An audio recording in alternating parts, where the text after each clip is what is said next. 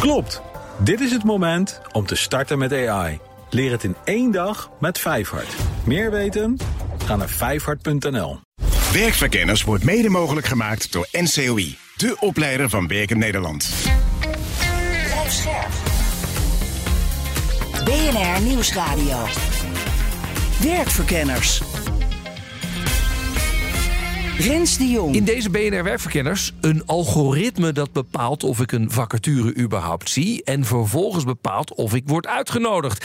Is dat vooral beangstigend of maakt het de kansen voor iedereen eerlijker? Dat zoeken we uit. Verder een vacature om directeur te worden van een dierentuin en we bellen met de leermeester van onze eigen techredacteur Joe van Buurik. Dat allemaal zo meteen, maar nu eerst het BNR Werkverkenners nieuws. Werkverkenners. Met Nelleke van der Heijden. Dag Nelleke. Dag Rens. Wat zou jij denken als ik zeg you glow like a glow stick? Nou, dan zou ik zeggen dankjewel. Ja, het is wel uit een column van Ria Roering en het FD. ja, precies. Dat is inderdaad wat eh, Ria Roering overkwam toen zij een afspraak had eh, op de Zuidas. Ze kwam dat eh, pand binnen en kreeg dat te horen van de, van de robot... nadat ze net uit de gietende regen kwam en eh, helemaal verzopen binnenkwam. Dus ze echt dacht, nou ja, deed ze niet. maar goed. glowen doe ik niet. Oké, maar het is wel interessant. eh, eh, nadenken over robots op het werk. Ja, precies. Zij dacht ook, laat ik eens even kijken wat deze robot voor mij kan betekenen. Nou, ze kon netjes aanklikken dat ze een afspraak in het gebouw had. Maar vervolgens zei die robot, oh, nou, dan moet je bij de receptie zijn. Oh, dat is een beetje teleurstellend dan weer. Ja, dat maakt die robot eigenlijk een beetje een onnodige tussenstap. En eh, Roering noemt dat ook echt een gemiste kans om eh, op arbeid te besparen. Nou, dat is denk ik ook een beetje omdat robots die het werk overnemen nog steeds een beetje beangstigend is. Maar dat is onterecht, zegt Ja, zij. maar voor sommige banen misschien wel, toch? Ja, dat erkent ze wel. Sommige banen worden wel echt geraakt door die automatisering. Maar die mensen moet je dan omscholen. Dus dan is niet automatisering het probleem, maar het eh, omscholen. Nou, ze drukt zich ook eh, behoorlijk bout uit. Want even de quote erbij hoor. Ze zegt personeelstekorten kunnen een economisch en maatschappelijk infarct veroorzaken. Dus Ja. niet die robots, maar eh, de krapte. Ja, kortom, omarm die robotisering, want we hebben eh, iedereen hard nodig. kunnen zijn. Ja, daarom. Goed, dan PW zocht uit of je in deze tijden van krapte extra taken bij de medewerkers mag neerleggen. Ja, dat deden ze samen met arbeidsrechtadvocaat Pascal Besseling. Die hadden we vorige week nog in de uitzending. Nou, heel begrijpelijk natuurlijk dat je wat extra werk bij het bestaande personeel wil neerleggen als je veel te weinig mensen hebt. Maar daar spelen dan wel een paar dingen bij de vraag of het mag. Zoals? Nou, past die extra taak bijvoorbeeld bij de taken die je al doet? Besseling geeft een voorbeeld van iemand die prullenbakken leegt en eh, bureaus schoonmaakt. Nou, die mag je dan wel ook vragen om eh, lampen te verwisselen, want dat ligt wel in, in de lijn van het werk. Maar er zijn nog meer dingen waar je naar moet kijken. Bijvoorbeeld als iemand gevraagd wordt om meer uur te gaan werken. Als dat in het contract staat, ja, dan moet je dat dus wel echt voorleggen. En dan moet je kijken, gaan we het contract oprekken? Of eh, gaan we dat bijvoorbeeld als overuren uitbetalen? Als je dat dus niet wil, Ja. dan heb je ook als eh, medewerker wel gewoon het recht om daar nee op te zeggen. Want je contract zegt hoeveel uren je werkt. Ja, ja. En, maar, eh, maar het moet dus ook wel echt wel bij je taak horen. Je kunt niet zeggen, nou ja, het is zo'n ongelooflijk tekort. Dit, dit moet je er ook even bij doen. Nee, het moet echt een beetje in de lijn zijn. Nou, hij had nog een ander voorbeeld van een accountant. Die had allerlei regionale klanten. En nu werd dan gevraagd uh, of die ook nationaal opererende klanten erbij kon nemen. Nou ja, dat is op zich wel enigszins in de lijn. Ja. Maar het is toch ingewikkelder, risicovoller misschien. Dus die medewerker kan dan ook vragen van... hé, hey, mijn werk wordt ingewikkelder. Daar hoort een hogere beloning. Oh, dat is interessant. En, en, en is dat dan ook daadwerkelijk... Nou, daar is uh, Besseling niet helemaal uh, duidelijk over. Hij zegt, ja, het is een beetje grijs gebied.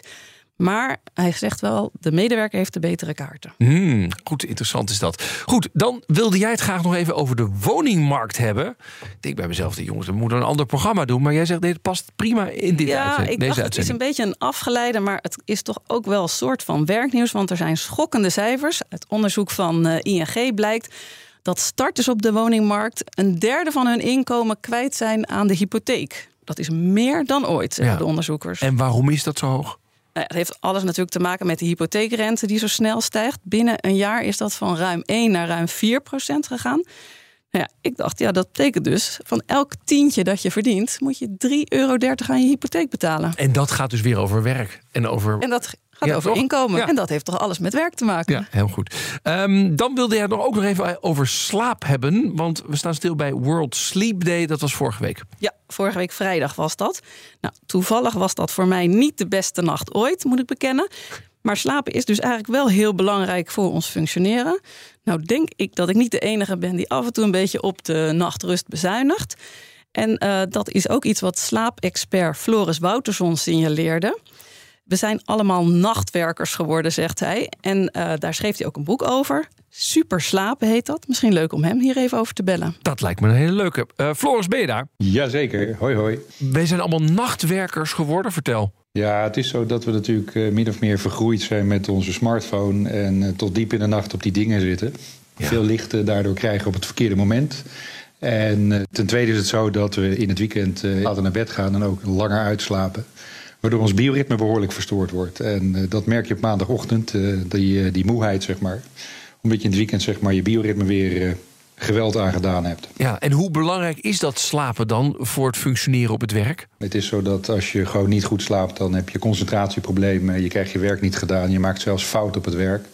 En je bent ook een gevaar op de weg. Hè? Dus als je uh, niet lekker fit en uitgerust achter het stuur zit, dan uh, ja, is het ook oppassen geblazen. En ik denk dat iedereen dat wel kent dat je af en toe even wegnikt en uh, dan heel snel weer wakker bent. Maar uh, gelukkig dat niks gebeurd is. Ja, ja, maar jij zegt al, we worden steeds meer nachtdieren. Hoe doen we het in Nederland? Hebben we daar cijfers over? Er zijn geen hele exacte getallen over. Maar het is wel zo dat we over het algemeen uh, veel te veel op die telefoon zitten. En veel te lang op die dingen zitten. En ze liggen vaak ook in de slaapkamer waar ze niks te zoeken hebben. Ja, weten we iets van de maatschappelijke schade van slecht slapen? Ja, er is daar best wel veel interessant onderzoek naar gedaan zeker naar de grotere industrielanden. Destijds ook uh, bij de publicatie en nu ook weer van mijn boek. Uh, heb ik het gekwantificeerd zeg maar, voor de Nederlandse economie. En als je kijkt naar de beroepsbevolking in Nederland, die ongeveer een 8,4 miljoen groot is. En de verhouding maakt zeg maar, tussen fulltime en deeltijds. En dan daar zeg maar, het gemiddelde loon tegenover zet. Dan is het zo dat mensen die zeg maar, structureel zes uur of minder slapen, die zijn ook zes dagen meer afwezig. Mm. En mensen die zeg maar tussen de zes à zeven uur slapen, zijn gemiddeld 3,7 dagen meer afwezig. En als je dat op die getalletjes loslaat, dan komt het in Nederland uit op ongeveer een 12,4 miljard, wat het onze maatschappij kost. Wat meetbaar de productiviteitsuitval is zeg maar, van niet uitgeslapen medewerkers. Ja, en dan de grote vraag: hoe gaan we beter slapen, Floris? Ja, dat is natuurlijk een hele belangrijke. Ten eerste is het zo dat het heel belangrijk is... het ten eerste instantie zeg maar, serieus te maken. Ik zeg, maak van slapen gewoon lekker je hobby. dat is wat heel veel mensen niet doen. Hè. Sleep is voor de week. En zeker in uh, werkomgeving is het zo dat vaak het slapen als eerste het raam uitgaat... als er een deadline gehaald moet worden. Dus uh, het werkt vaak ook contraproductief. Hè? Dus als je minder uh, slaapt, ben je gewoon ook minder productief. Dus, uh, dus maak, maak het serieus. slapen. En nog meer? Twee ga voldoende naar buiten. We zitten elke keer van box naar box naar box. Het is heel erg belangrijk om je bioritme te eiken... door echt het daglicht buiten op te zoeken. Als we hier binnen zitten, hebben we misschien 150 lux. Hè. Eén lux is één, één kaars, kaarsje, zeg maar. Buiten is dat op een bewolkte dag al 2000 lux. Dus je krijgt dan gewoon voldoende licht binnen... wat heel belangrijk is om goed te, te, functioneren. En combineer dat bijvoorbeeld met bewegen. Hè. Dus uh, lekker en voldoende bewegen is ook super belangrijk om aan het einde van de dag lekker te kunnen, te kunnen slapen. Ja, en die mobieltjes de slaapkamer uit, hè? Absoluut, die mobieltjes de slaapkamer uit, dat is in ieder geval een hele belangrijke. En regelmaat speelt ook een hele belangrijke rol. Oh ja. dat je gewoon een beetje op hetzelfde tijdstip naar bed gaat en hetzelfde tijdstip opstaat. En dat is ook wat uh, niet altijd voor iedereen even gemakkelijk is. Goed. Nou, het zijn weer goede tips om in de, de oren te knopen en uh, misschien even over uh, te dromen, zodat we het internaliseren. Dankjewel, yes. Floris. Absoluut, graag gedaan. Hoi, hoi. Rens de Jong.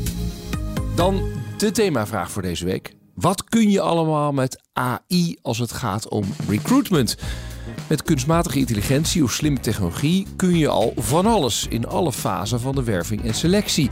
Om te beginnen met een vacaturetekst schrijven. En dan schrijft hij dus een perfecte tekst ja. om voor BNR een presentator van werkverkenners te pakken, mocht jij ooit vertrekken. En helpen bij het schrijven, maar ook het lezen van een sollicitatiebrief. En, en dan ontstaat er wel een hele gekke situatie. Waar dus door machine geschreven brieven door machines beoordeeld worden. Om dan te bepalen wie uh, soort van in deze recruitment loterij door mag naar de volgende ronde. In een eerdere uitzending over dit onderwerp belichten we veel te veel de schaduwkanten van kunstmatige intelligentie, vindt een van mijn gasten. En dat raakte hem. Dat komt ook omdat ik het idee had dat de bedrijfstak waarin ik zit toch best wel in een negatief hoekje werd gedouwd. Ja, dat proberen we nu een beetje goed te maken. Maar ja, ook nu is er een kritisch geluid. Daar is allemaal geen AI voor nodig. Ja, en die gast van daarnet, die geraakt was, haalt zelf het voorbeeld aan van Amazon. Dat besloot om de volledige werving en selectie aan een algoritme over te laten, wat volledig ontspoorde. Wat er gebeurde is dat dat algoritme stelselmatig vrouwen discrimineerde. Maar ja, precies dat thema blijkt ook een zwak punt te zijn bij menselijk handelen. Voor een universiteit heb ik op een gegeven moment een, een tool ingezet die dus ging laten zien hoe masculien mijn vacatures waren. Dus laten we gauw gaan uitzoeken bij wie je als werkzoekende het beste af bent. Een algoritme of bij een mens? Werkverkenners. Hoe ver zijn we eigenlijk met kunstmatige intelligentie? Nou, als je de headlines van de afgelopen weken moet geloven, al heel ver. Maar kan dat ook echt wat betekenen voor recruitment? Een jaar geleden maakten we hierover ook een uitzending. Maar toen keken we veel te veel en bijna alleen maar naar de risico's, hoor ik van mijn eerste gast. Mijn naam is Karim Aklal. Ik ben de oprichter van Recruit. En wij zijn een HR-tech-organisatie en wij ontwikkelen uh, datagedreven recruitmenttechnologie om werkgevers te helpen op een objectieve manier de beste mensen te selecteren. Ja, nou gaat deze uitzending over hoe je AI kunt gebruiken Mhm. eh, in het sollicitatieproces als werkgever en als werknemer. Nou hebben we hier vorig jaar ook een uitzending over gemaakt Mhm. en toen kreeg ik toch een LinkedIn-post van jou. Nou, die, die staat vol met kritiek. Ja, dat klopt. Wat mij vooral heel erg eh, tegenstond aan die uitzending. En ik ben de eerste om mijn excuses aan te bieden als ik Nee, iemand hoor. beledigd heb of, eh, of op iemands Nee, tenen maar ben gaan staan. interessant. Want je was, Ja. je, was, je was best wel ge- geraakt. Ja, ja ik, was, ik was zeker geraakt. Het ging allemaal over eh, AI is heel eng en algoritmes eh, zijn eng en black boxen. En we weten niet wat, wat er gebeurt en we moeten er niet aan beginnen en we moeten zus en zo. Nou, als jij dan met, met, met een man eh, of negen elke dag met ziel en zaligheid werkt aan dat soort algoritmes om de wereld een klein beetje mooier te maken. Ja, dan grijpt mij dat. Ja. Daar, vind ik daar wat van. Ja, want de kritiek was, en daar gaan we het dan hier ook over hebben, van ja, we weten niet precies wat er in het algoritme Mhm. zit. Daar kunnen heel snel biases Mhm. in komen. Hou de mens in de loop. Mhm. en, eh, want het is toch ook vingerspitsengevoel. Ja, dat, dat laatste, daar ben ik niet helemaal mee eens. Want dan kom je in, in, in de hoek van op basis van intuïtie en onderbuikgevoelens allerlei beslissingen en aannames maken. Nou, de- we weten inmiddels dat onderbuikgevoel dat het helemaal niks voorstelt. Dat is, dat is net zo betrouwbaar als de beloftes van een, van een politicus. Daar heb je niet zo heel veel aan. Maar ik ben het natuurlijk wel eens dat, dat je eh, scherp moet zijn op de soorten technologie die je gebruikt. En natuurlijk, die menselijke factor die zal altijd een rol blijven spelen.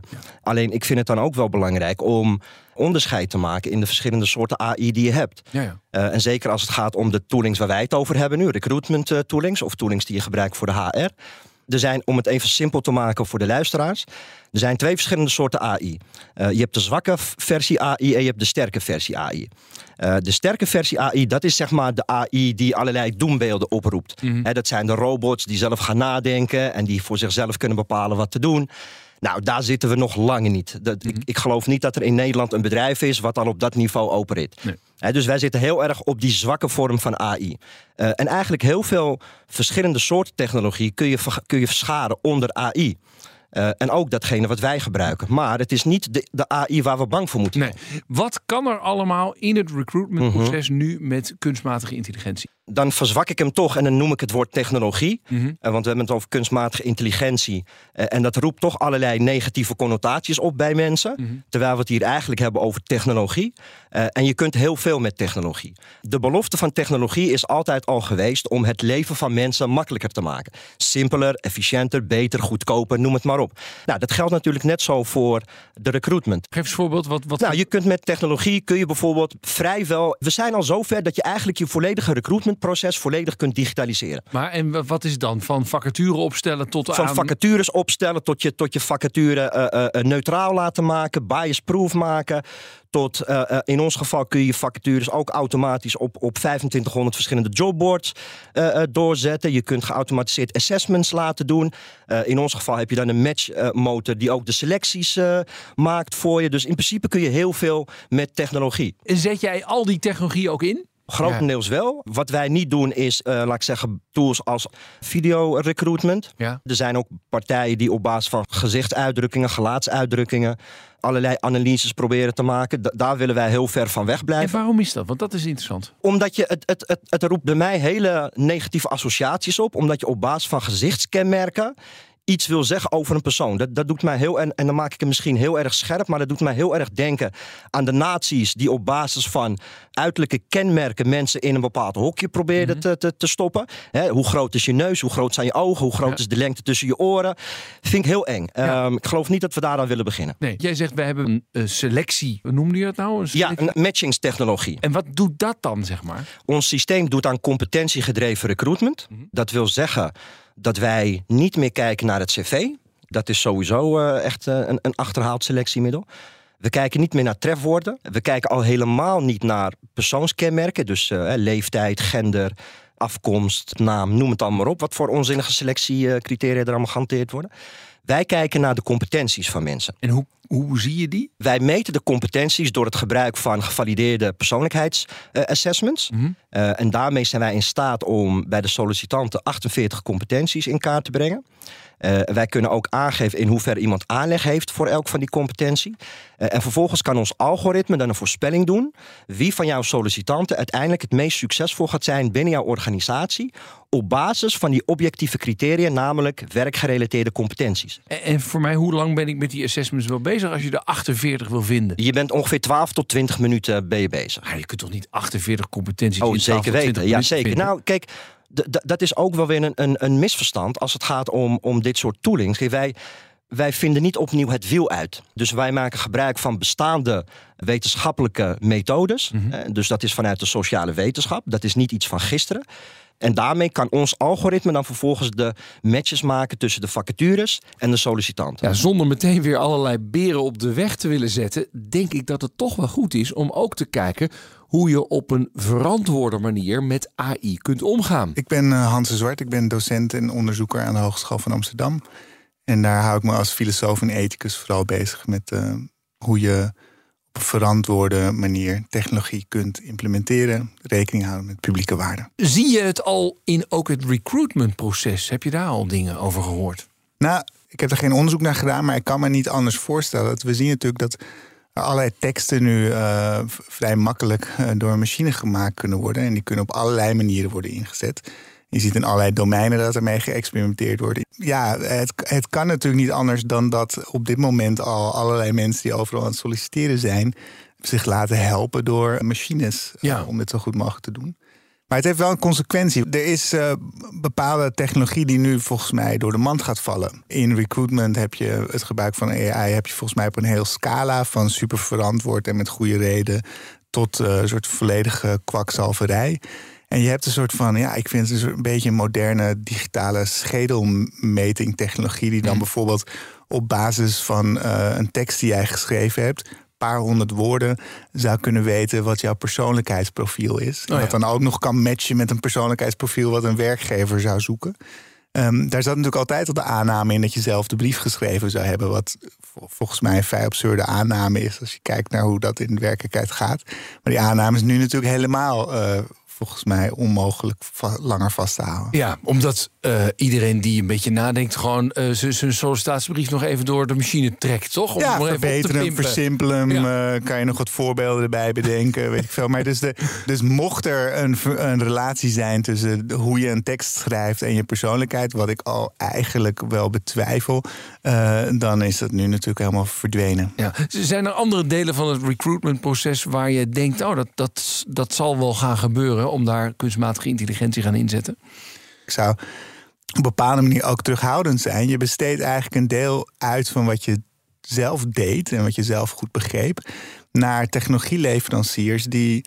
Ja, waar toch een beetje verborgen is hoe het allemaal werkt. En ook moeilijk te controleren, moeilijk te valideren. Je, Ja. moet, eh, je moet eigenlijk geloven als ze zeggen dat het werkt. Of dat het beter is dan eh, hoe het zou zijn als je het op een andere manier eh, zelf had gedaan. Maar goed, het argument is daar vaak bijvoorbeeld, eh, ja, je, zit, je hoofd zit vol met biases. Ja. En ons systeem helpt je om daar uit te komen. Ja. Ja, de, en, en daar zit zeker potentie om dat te doen. Dus wat je ziet is dat een van de voordelen van AI is dat biases beter te meten zijn. Je kunt met ChatGPT een soort van rekenen met concepten. Dus je kan aan zo'n AI kan je vragen: oké, dokter plus man min vrouw. Wat is wiskundig gezien dan de meest likely uitkomst. En als je zo'n ChatGPT niet corrigeert en hem baseert op de huidige maatschappij, dan zegt hij: dokter plus man min vrouw is zuster, nurse. Ja. Dus je kunt heel goed bias meten met AI. Maar het probleem is dat je dat het heel moeilijk terug te halen is naar individuele gevallen. Dus je kan wel checken, er zit geen bias in tussen mannen en vrouwen. Die behandelt eh, deze AI gelijkwaardig. Maar dan zou het toch nog kunnen dat bijvoorbeeld vrouwen tussen de 31 en 33 jaar uit Amsterdam wel negatief behandeld worden, deze AI. Dus je moet eigenlijk elke combinatie van groepen... zou je soort van moeten testen of hij daar wel of niet eerlijk in is. Eigenlijk hoor ik jou zeggen, we kunnen... Iedereen zegt, nou, ik heb een bias-free model. En je zegt, dat, dat kan je gewoon niet zeggen. Nee, eigenlijk kan je dat niet zeggen. En voor het overzicht zet mijn laatste gast de mogelijkheden even handig op een rijtje. Mijn naam is Bas van der Hatert en ik help bedrijven met slimmer te werven, met name door technologie in te zetten. We hebben het deze uitzending over AI. De vraag is waar kun je AI bij recruitment allemaal inzetten? En jij zegt eigenlijk op drie punten. Ja, ten eerste bij de creatie van teksten, advertenties, et cetera. De tweede bij de advertenties uitzetten. En ten derde in het selectiepunt. Nou ja, laten we eerst even naar die creatie van die teksten. Nou, je hebt tegenwoordig ChatGPT, hebben we denk ik allemaal inmiddels wel van gehoord. Ik heb inmiddels ook al tools gezien die gebouwd zijn op de API van ChatGPT, waardoor je dus een domain-specific vacaturetekst kan krijgen waarop je kan zeggen, nou, wij zoeken een presentator die minimaal drie jaar werkervaring nodig heeft. Nou, dan zeg je dus schrijf een tekst voor een presentator. Wat is de minimale werkervaring? Wat zijn kerncompetenties die deze persoon moet hebben, et cetera, et cetera. Ja, hartstikke mooi. Dat scheelt een uurtje werk. Is dat nou de grote revelatie waar we het hier over hebben? Nou, het scheelt een uurtje werk. De kwaliteit wordt iets beter. Maar wat, wat gebeurt er op het moment dat wij gaan bedenken... laten we niet één tekst schrijven, maar laten we meerdere teksten schrijven. Laten we een tekst gericht op mannen van boven de 40 schrijven. Laten we een tekst gericht op vrouwen schrijven... die misschien net iets andere kwaliteiten of competenties hebben... die ook geschikt zijn. Laten we eens kijken naar de arbeidsvoorwaarden. Een heel mooi voorbeeld vind ik bij Schiphol. Schiphol heeft een groot deel nu van uh, zijn, zijn problemen opgelost door gewoon te adverteren op diverse doelgroepen. Met dus functie heeft precies dezelfde arbeidsvoorwaarden, maar ze hebben heel veel. ze hebben een goed salaris. Ze hebben, weten hun roosters twee maanden van tevoren. Nou, voor jou en mij maakt het niet zoveel uit wanneer we onze roosters hebben. Voor iemand die kinderopvang moet regelen, is dat heel belangrijk. Ah ja, dus je, je spitst het bijna automatisch toe op een bepaalde doelgroep en maakt dus de vijver groter. Ja, nu kan je bewust gaan zeggen: ik ga meerdere type advertenties maken voor meerdere doelgroepen. En we weten bijvoorbeeld Facebook optimaliseert. En dan hebben we het over het tweede punt, namelijk het advertising stuk. Facebook optimaliseert altijd naar de optimale klik. In andere woorden, waar verdient Facebook het meeste geld aan jouw advertentie? Nou, omdat in Nederland nog steeds de mannen van boven de 30 met een witte huidskleur de meest voorkomende groep zijn, worden de vacatureteksten en advertenties die voor die groep het meest uh, aanspreken, worden bijna uh, het meest getoond. Maar op het moment dat jij zes campagnes naast elkaar zet, die alle zes op een andere groep zijn, krijgt iedereen ze te zien. En krijgt iedereen een advertentie te zien die die persoon aanspreekt. En het blijkt dat bijvoorbeeld bij Schiphol, dat vrouwen boven de 30 andere arbeidsvoorwaarden op prijs stellen dan mannen boven de 30. Ik weet uit het, het verleden, toen de Schiphol de eerste keer deze crisis had, dat mensen met een moslimachtergrond bijvoorbeeld pas overtuigd werden dat ze moesten gaan solliciteren, omdat ze ervan uitgingen dat ze toch niet door de selectie heen kwamen. Toen ze foto's zagen op Facebook van andere moslimmannen in een beveiligersuniform. Ja, ja. Dus e- eigenlijk zeg je, je hoeft aan de vacature niets te veranderen, aan de arbeidsvoorwaarden ook niet. Maar je licht er verschillende dingen uit. En dat kun je door, door zo'n AI een stuk makkelijker laten doen. Ja, en, in principe zou je dan honderd verschillende vacatures kunnen schrijven over één vacature. Ik ken partijen die dat dus inderdaad doen. Of in ieder geval die 100 advertenties hebben over dezelfde vacature. En straks zullen daar ongetwijfeld nog tientallen vacatures bij gaan komen. Want hè, je hebt de arbeidsvoorwaarden. Nou, ik weet niet hoe dik het arbeidsvoorwaardenboek van BNR is. Maar ik durf te wedden dat er tien keer zoveel dingen minimaal in staan. dan jij in je advertentietekst kwijt kan. Ja. Laatste punt, wat jij zegt, daar kun je het voor gebruiken, is het selecteren. Ja, daar beginnen altijd de meeste wenkbrauwen omhoog te gaan. Ja, en dat vind ik altijd heel uh, interessant. Want dan gaan we er dus vanuit dat mensen goed zijn in selecteren. En als er één ding altijd gebleken is, is dat mensen verschrikkelijk zijn in selecteren. Mhm. We weten vanuit HR-onderzoek, HR.com onder andere, van hoeveel mensen zou je na een jaar opnieuw aannemen. Dan geeft de overgrote meerderheid aan minder dan 50 procent. Mhm. Zouden we opnieuw aannemen. En 20 procent zei zelfs dat minder dan een kwart van de mensen opnieuw zou worden aangenomen. Mensen zijn dus heel ontevreden over de selectie die ze maken. En vervolgens leggen ze dat nooit bij zichzelf. En daarom zeg ik al heel lang: mensen selecteren zonder technologie is net zo slecht als technologie mensen laten selecteren zonder mensen.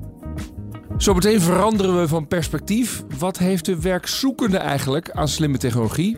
Maar eerst werk. En het is werk met allemaal dieren om je heen. De vacature.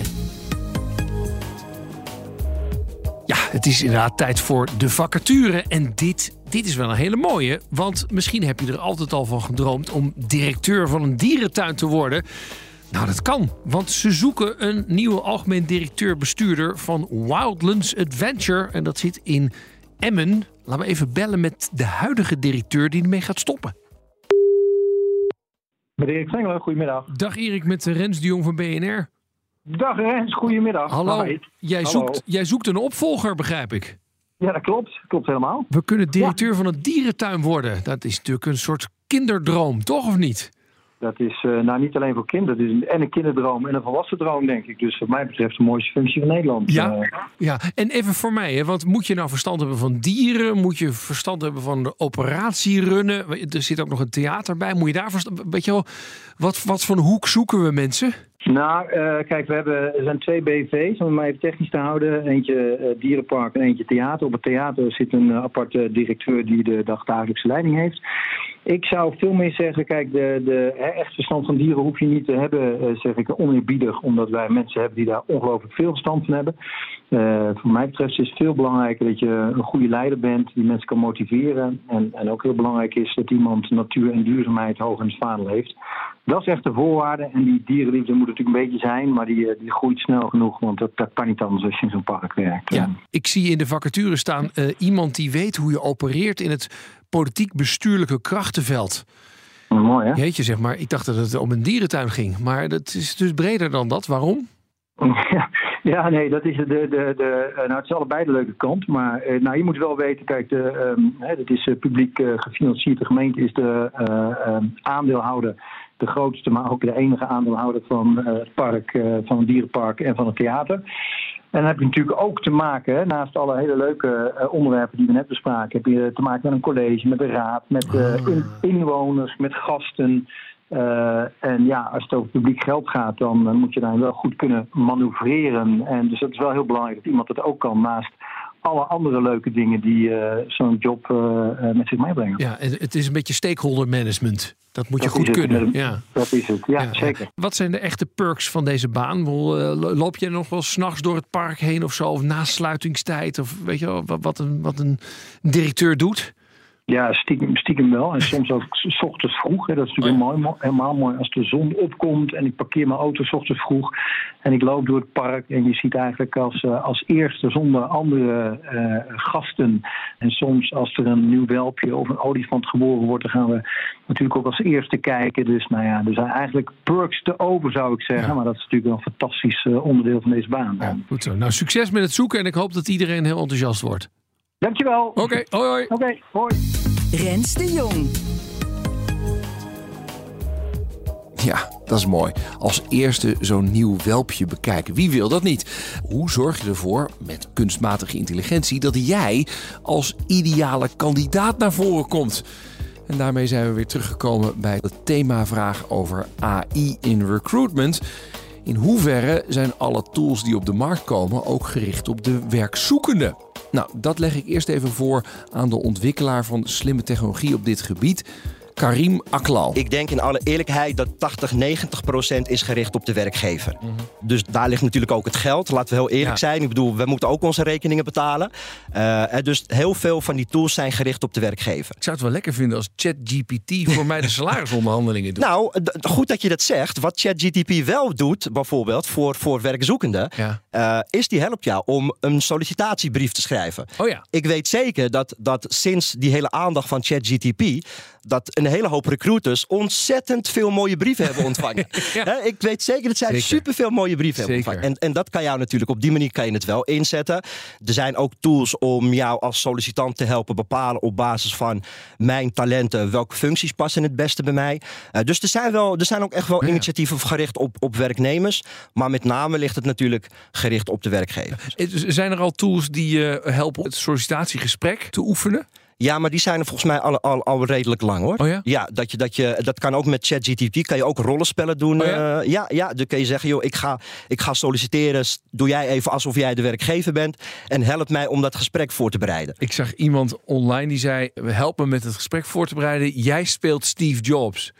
Ja, dat voorbeeld ben ik ook tegengekomen. Ja, ja daar ben ik tegen. Maar ik, ik, wel een kanttekening. Ja. Eh, want je moet, je, je moet die toch altijd blijven houden.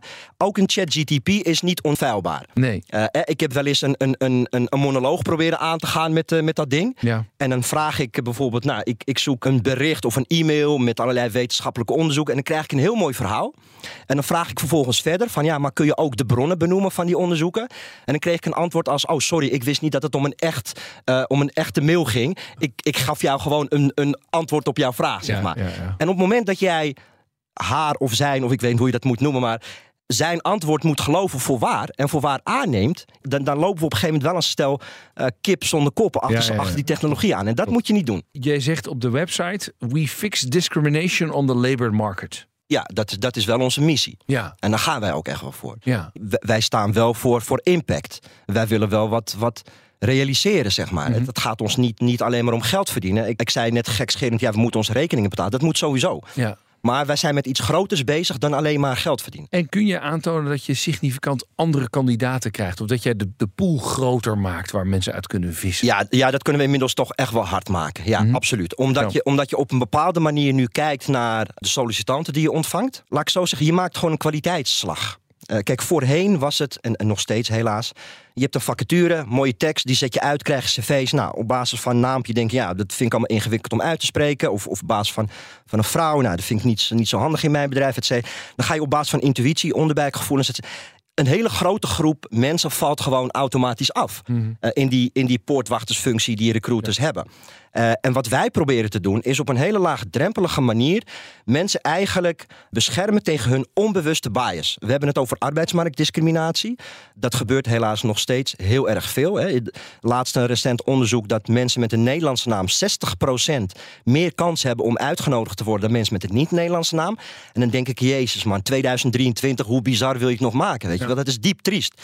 Eh, en wat ik daarmee wil zeggen is dat die discriminatie die is er, maar ik geloof niet dat dat Weet je, dat dat intrinsieke discriminatie is. Het is niet zo dat iemand nou zegt: Ik heb gewoon een godsgruwelijke hekel aan Marokkanen. Ik wil ze niet in mijn bedrijf hebben. Nee. Ik haat vrouwen. Ik wil ze niet in mijn bedrijf hebben. Het is vaak onbewust. Blinde vlek. Dat je denkt, nou, ik weet het niet helemaal. Het voelt niet helemaal. Ja, het, weet je, wij hebben allemaal onze bias, Ja. onze vooroordelen, referentiekaders. En onbewust gaat er dan toch in ons hoofd iets spelen.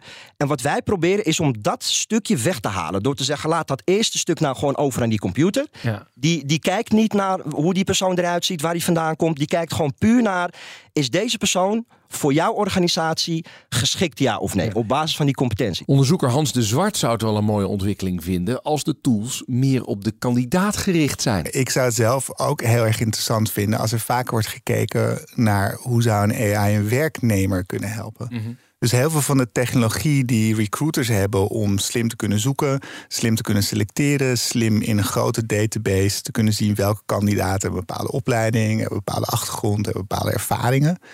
We zitten nu in een krappe arbeidsmarkt. eh, waarin heel veel werknemers eigenlijk eh, voor het eerst sinds de tijd weer echt veel te kiezen hebben. Ehm, waarom draai ik niet om? Dus waarom is er geen technologie die mij als werknemer helpt te zoeken welke werkgevers zouden goed voor mij zijn, zouden relevant voor me zijn, hebben op dit moment plek, passen goed bij mijn profiel, et cetera. Eh, is omdat daar nog niet het geld zit, toch? Ja, dus Kijk, ik denk- businessmodel is, is, is makkelijker om een werkgever die legt zo een paar duizend euro neer voor een goede kandidaat. En ik wil eh, 10 euro betalen voor een advies voor een leuk baan Ja, misschien. En dan moet je nog zeker weten dat het werkt. Ja, dus, dus, er zit, dus dat is een heel lastig business. Maar je ziet dat er. eh, we hebben in ons onderzoek, wat we dus een jaar geleden hebben afgerond, hebben we wel bijvoorbeeld eh, iemand gesproken die had een start-up. Die, die hielp mensen met het pimpen van hun cv's. Of een soort van het, laten we zeggen, het optimizen van hun cv's en hun brief. Om ze aan de slag te krijgen bij specifieke techbedrijven. Dus Oh, jij ja. bent een programmeur, je wil bij Google werken of bij Amazon of bij Apple. Zij hebben dan gecheckt wat voor soort tekst moet daarin. Waar slaan ze op aan, waar slaan ze niet op aan. En daar ben je natuurlijk best wel bereid om, eh, weet ik veel, ja, als je dat soort type baan zoekt, om daar, weet ik veel, een paar honderd eh, dollar misschien eh, tegenaan te gooien om dat te doen. Maar ja, dan moet je wel op een of andere manier weten dat het werkt. Dat is natuurlijk sowieso, vind ik, een probleem met heel veel AI-technologie. Stel voor, jij mag een start-up beginnen en zegt... ik wil positieve impact maken... of op het recruitmentproces vanuit de werkgever of vanuit de werknemer. Je zegt, nou, daar, daar, daar zie ik wel wat in. Ik hou ervan om eh, data te gebruiken om de macht te bevragen. Dus ik kan me voorstellen, ik zou het heel leuk vinden als die, soort van Glassdoor-achtige functionaliteit, dus die software die eigenlijk werkgevers met elkaar vergelijkt en werkomstandigheden en dat een soort van transparant maakt. Hè? Dus de salarisonderhandelingen en et cetera. Dus ik, zou, ik ben heel erg voor technologie die de werknemer empowert. Ja, ja. Dus je hebt nu al technologie, ook AI gebaseerd, die op basis van een sollicitatie probeert te bekijken welke salarisaanbieding zou deze kandidaat accepteren. En dan up, zo laag mogelijk. En het lijkt mij fantastisch om technologie te maken die dat soort dingen omgekeerd doet. Wat is het maximale salaris wat ik hier bij deze werkgever eruit zou kunnen zetten? Oh, dat zou geweldig zijn, hè? Ja. Dat je gewoon zo, nou, ik heb dit gesprek gehad, et cetera, et cetera. Wat, wat raad jij mij aan om nu even neer te zetten? Ja. Ja, En dat op basis van een soort number crunching, dat zou nice zijn. En ik denk, ja, alles Ik- om, om, om een level playing field te krijgen tussen, tussen de werknemer en de werkgever. ja een machthebbers. En, Ja, gewoon vol om de macht. ja, Ja, denk het wel. ja. Andere voorbeelden nog? Ik vind het wel een interessante gedachte. Nou ja, dus wat ik ook merk is dat, dat het kan helpen met toegankelijkheid eh, verhogen. Dus eh, een voorbeeld wat ik eh, in het onderzoek tegen ben gekomen, eh, is iemand die voor supermarkten bijvoorbeeld, of die maakte eigenlijk een recruitment chatbot. En het voorbeeld waar hij mee kwam was een supermarkt. Die hebben heel veel vakkenvullers nodig. Potentiële vakkenvullers hebben niet per se zin om zo'n formulier op te halen, het in te vullen. Dat raken ze alweer kwijt voordat ze het zeg maar ingeleverd hebben. Een heel eh, cv in een brief slaat ook niet echt per se ergens op. Dus dit is dan een WhatsApp-chatbot die gewoon een aantal... oké, je wil solliciteren, wat is je naam... wat eigenlijk alle gegevens die je als eh, supermarkt nodig hebt. Vooral de belangrijkste is altijd hè, voor supermarkten... hoe ver woon je? Dat is de belangrijkste indicator voor hoe lang je het vol gaat houden. Hoe dichterbij, hoe beter. En die, die helpt ook dan met het automatisch maken van een afspraak. Dus hey, zou je op een van deze drie momenten kunnen? Ja, ik kan moment één. Oké, nou dan zien we je daar en dan. En dan kan hij ook nog automatisch een soort van reminder sturen. Dus ik zie best wel veel ruimte voor technologie om, zeg maar, om, om in dit soort dingen het wat efficiënter en wat frictie weg te halen. Ja, ja. Maar ja, frictie weghalen komt ook altijd met negatieve eh, kanten. Adviseur over technologie op het werk Bas van der Hatert ziet kandidaten zelf ook wel wel hun weg vinden in bijvoorbeeld ChatGPT. Een van de dingen is dus bijvoorbeeld, in, je kan ChatGPT vragen om je motivatiebrief te schrijven. Is hij best heel erg goed in. Maar dan komt er weer een andere ChatGPT van de werkgever en die zegt ja, dit is geschreven door ChatGPT, dus het is een fake motivatie. Dat klopt.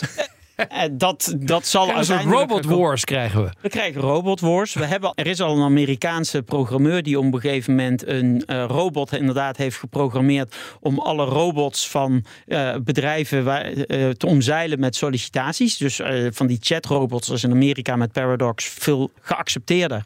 En die heeft dus gewoon, dit zijn mijn gegevens, ga die discussie met die robot maar aan. Er was afgelopen week een Australiër die nu 200 sollicitaties per dag eh, doet. Op, die, Oh heeft ja? geze- die heeft dus gezegd, dit is mijn cv. Eh, en die heeft dus eh, ChatGPT als het ware gehackt en daarop op een systeem gebouwd. Alleen daarom zou je hem al als IT'er moeten aannemen.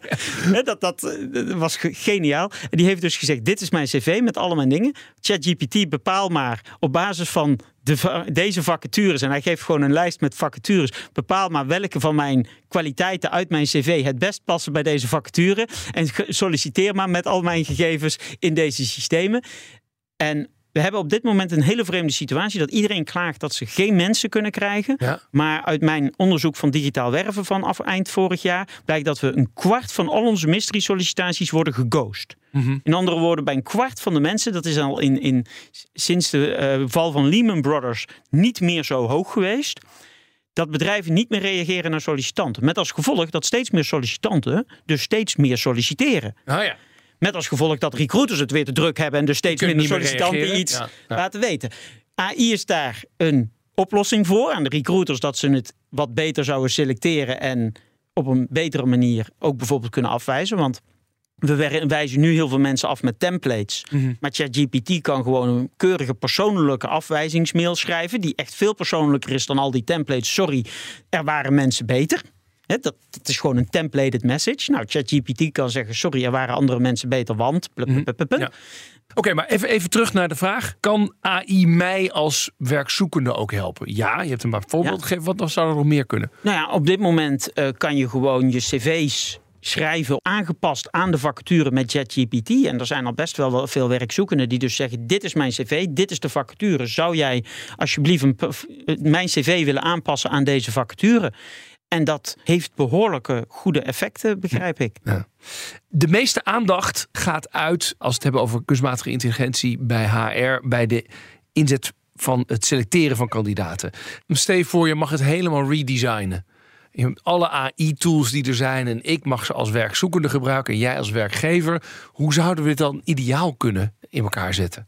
Nou, een hele reeks aan verschillende soorten testen. Mhm. Waarbij we rekening houden met welke test het meest geschikt is voor welke personen. Bijvoorbeeld sommige neurodiverse personen kunnen heel slecht omgaan met linguistisch gebaseerde, dus de vragenlijsttesten.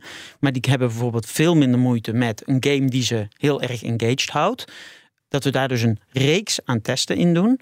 En op basis daarvan een match maken met de skills die daadwerkelijk gevraagd worden voor de banen. Een van de grote problemen waar we nu tegenaan lopen is dat elke test is een hokje op zich. Met als gevolg dat jij dus 600 keer een test moet doen als je 600 keer solliciteert. Dus als we die testresultaten en dan echt de rauwe data op kunnen slaan in de blockchain. En dat jij gewoon zegt, doe de analyse maar van alle resultaten die ik hier heb gedaan. En als je dan nog een kwaliteit hebt die ik nog niet eerder heb getest, ga je goddelijke gang, bied me dan die test aan. Ja, dat doe ik dan nog wel. Conclusie over AI in recruitment. Nou, ik hoor al heel wat mogelijkheden. En daar profiteert op dit moment de recruiter meer van dan de kandidaat. En dat heeft natuurlijk alles te maken met het feit waar er het meeste geld verdiend kan worden. Maar het zou wel mooi zijn als dat wat meer in evenwicht komt. Het kan ook beloftes waarmaken als efficiënter, eerlijker, beter. Maar het kan ook juist andersom uitpakken. Dat het heel erg biased blijkt te werken en hele groepen uitsluit. Wees dus bewust van de risico's, gebruik het verantwoord en, zoals Bas van der Haat het mooi formuleerde, het selecteren aan mensen overlaten zonder de technologie is net zo slecht als technologie laten selecteren zonder de mensen. De leermeester. Laatste onderdeel van deze uitzending, de leermeester. Ja, wie zorgde nou bij jou voor een kantelpunt in je carrière? Wie maakte dat je een andere afslag koos? Van wie heb je nou echt iets geleerd? Deze week bellen we met de leermeester van Joe van Buurik. En dat is onze eigen tech-directeur hier bij BNR. Dat is Joe. Hey Rens. Goed je te zien. Hi. Eh, wie is jouw leermeester? Dat is Robert van den Ham. Die leer ik ooit kennen als hoofdredacteur van Autoweek, waar ik eh, mijn afstudeerstage had. Oh. En een eh, professionele vriend waar ik veel aan heb gehad door de jaren heen. En, en wat, wat, wat is het dat hij jou heeft geleerd? Eh, het is een, een, een figuur op zich. Hij is heel erg sterk rationeel, misschien nog wel sterker commercieel. En er zit vol levenswijsheden om de dagelijkse sleur te verslaan met leuke projecten. Goed, levenswijsheden van Robert van der Ham. Nou, laten we eens even gaan bellen. Goedemiddag met Robert. Dag, wat een vrolijke... Wat neem je de, de telefoon vrolijk op, Robert? Ja, maar ik heb er zin in. Robert, met Rens de Jong van BNR. Leuk je te spreken, Rens. Ja, ehm, Jij, jij bent aangewezen als een leermeester. Nou, nou, nou. Ik ben vereerd, zei ik al tegen je collega. Ja, Zeker. Ja, eh, eh, even kijken, want degene die naast mij staat hier in de studio, die ken jij goed. Joe Ja. van Buurik. Ja, hi zeker, Robert. Zeker, zeker. Hey Joe. Hi, hi. Ja, wat, wat, wat, wat is het, Joe, dat, dat hij, wat jij zei net eh, tegen mij, hij heeft me allerlei eh, levenswijsheden bijgebracht. Ja, een 7,5 is ook een 10. Oh, Ja. en waarom is dat dan? Nou, ik denk dat Robert misschien zelf het beste kon schetsen wat voor een hyperactieve, perfectionistische stagiair hij in de kuip had eh, destijds. Goed, wat is een, een 7,5 is ook een 10 is een levenswijsheid. Kan op een tegeltje. Robert, waarom is dat? Er zijn inderdaad tegeltjes geworden. Ook eh, voor de vele Joe van Buriks eh, die ook nog eh, na hem gekomen zijn Ja. als stagiaire. Maar hier ging het vooral om van, soms is het ook goed genoeg. En eh, wees tevreden met wat je hebt geschreven, gemaakt. eh, of het nou een tekst is, een video of iets op het gebied van radio. In die zin is die 7,5 ook echt wel een keer een 10. Wees tevreden met wat je hebt. En met Joop Verbuurik heb je naast jou daar een perfectionist staan. Ja. Je zei het al. Eh, en die moet je af en toe ook even wijzen dat, nou ja, daar heb je hem, dat tegelspeukje. Die 7,5 ook echt een 10 is. Ja, en en Joe, andere, andere tegeltjeswijsheden die je hebt geleerd van Robert? Nou, het- het- dit, dit is by far de sterkste. En wat ik ook altijd van hem heb meegekregen, maar pas later ben gaan beseffen, is ehm, de mensen met wie je werkt, ondanks hun tekortkomingen, koester ze. Eh, Oh. Zet ze in hun kracht. Ja. Eh, eh, neem ze mee. Ga vooral niet micromanagen. Dat heeft Robert meestal gelukkig niet gedaan. in de jaren dat ik voor hem gewerkt heb. Dus dat vind ik een hele goeie. En toch ook wel, en ja, daar ontkom je niet aan in de mediawereld van de 21ste eeuw. commercieel kunnen denken, ook als je redactioneel verantwoordelijk bent. Ah, Dat ja. is toch wel handig om dat te kunnen, om in alle situaties je weg te kunnen vinden. E- e- Even dat punt over werk met alle collega's, ook ondanks hun tekortkomingen. Is dat inderdaad een, eh, iets waar, jij goed in bent, Robert? Nou ja, ik, ik, vind, ik vind het heel fijn dat, eh, dat Joe het zo, eh, zo verwoordt. En dat hij het ook gelukkig in die zin een beetje zo herkend heeft. Maar laten we het wat positiever vertalen. En dat is ook bijna weer een tegenspreukje, Rens. Zet iedereen in zijn kracht. En ik denk dat we juist in de tijd bij Autoweek zaten we in zo'n transformatiefase naar digitalisering. Dat kun je nu bijna niet meer voorstellen. Maar we begonnen toen echt pas serieus met video. Ja, ja. Heel stiekem al over audio na te denken. Laat staan over social media. Waar iedereen toen zijn persoonlijke account aan moest eh, koppelen. En de een kan dat wat beter en wil dat wat sneller en beter dan de ander. En ja, dan komt Jo van Buurik de redactie eh, eh, binnenwandelen. met, laten we zeggen, een hoge energie. met vooral heel veel ambitie en plannen. En in alle eerlijkheid zeiden wij toen al tegen elkaar. En, en Autoweek is een vrij hechte, stabiele club. Nog steeds. Hè. Van eens in de zoveel tijd komt er hier een binnenlopen waarvan we zeggen dat wordt er een. Ja. En eh, nou, dat zeiden we dus inderdaad ook bij Joe. Nou ja, de rest is geschiedenis, zou ik bijna zeggen. ja nu, nu zit hij natuurlijk bij de sterren. Hè, tussen de sterren bij BNR. En zo is naast het. jou, hè. Hey, hey, maar even, eh, ik vind het wel heel grappig om te horen. Robert, je, je bent dan hoofdredacteur geweest daar bij Autoweek. Dan Ja. ben ben je denk ik wel vaker misschien een leermeester. Zie je dat ook? Dat je denkt, oh ja, of herken je dat? Dat je impact hebt op, op levens van jongere mensen dan jij? Ja, dit is het leukste wat er is. En, en ik ben het ook in mijn tijd bij, bij Voetbal International en nu ook bij de ondernemer. Zet ik me daar enorm voor in. Ja, En dat doe ik niet alleen. Hè, want ik, heb, ik heb natuurlijk altijd ook een, een team van enthousiaste mensen. Chefredacties en zo om me heen. Want ja, dat wil ik je zeker wel meegeven. Ik denk dat juist Joe bij Autoweek het geluk heeft gehad... dat hij meerdere leermeesters daar heeft gehad. Zeker waar. We hebben, daar zaten zoveel experts op het gebied van automotive, autosport. Maar ook op het gebied van media maken, bladen maken. En wat zou je denken van sociale vaardigheden. Ja, Eh, zeker. En iedereen, iedereen heeft hem daar wel een, eh, een duwtje gegeven in de goede richting. Ja, het is, eh, het is eh, net zoals dat spreekwoord, toch? It takes a village to raise a child. Het is dus ook, met, het. eh, het is ook met stagiairs zo. Ja, ja, klopt. Nou ja, maar daarom doen we dat bij BNR ook, hè, Rens. We, hebben- we hebben hier ook een heleboel goede jonge Rens en Joe's rondlopen, Ja. zou ik maar zeggen. Ja, en die proberen we ook zo goed mogelijk onder onze hoede te nemen. En eh, met elkaar eh, ja, allemaal sterker en beter en leuker te worden. Goed zo. Robert, dankjewel voor je tijd. Graag gedaan. Succes. Hoi. Jullie ook daar. Hoi. Nou, dit was Werkverkenners voor deze week. Volgende week dan krijg je weer een verse op dinsdag om 3 uur. En in je podcast-app kun je hem op ieder moment terugluisteren. Productie en redactie, Nelke van der Heijden, Emma Somsen. Mijn naam is Rens de Jong. Graag tot de volgende keer. Dag. Werkverkenners wordt mede mogelijk gemaakt door NCOI, de opleider van Werken Nederland. Klopt. Vijfhart IT-opleidingen helpt je met ChatGPT. Microsoft Copilot, Generative AI, Azure AI Services. Meer weten? Ga naar vijfhart.nl.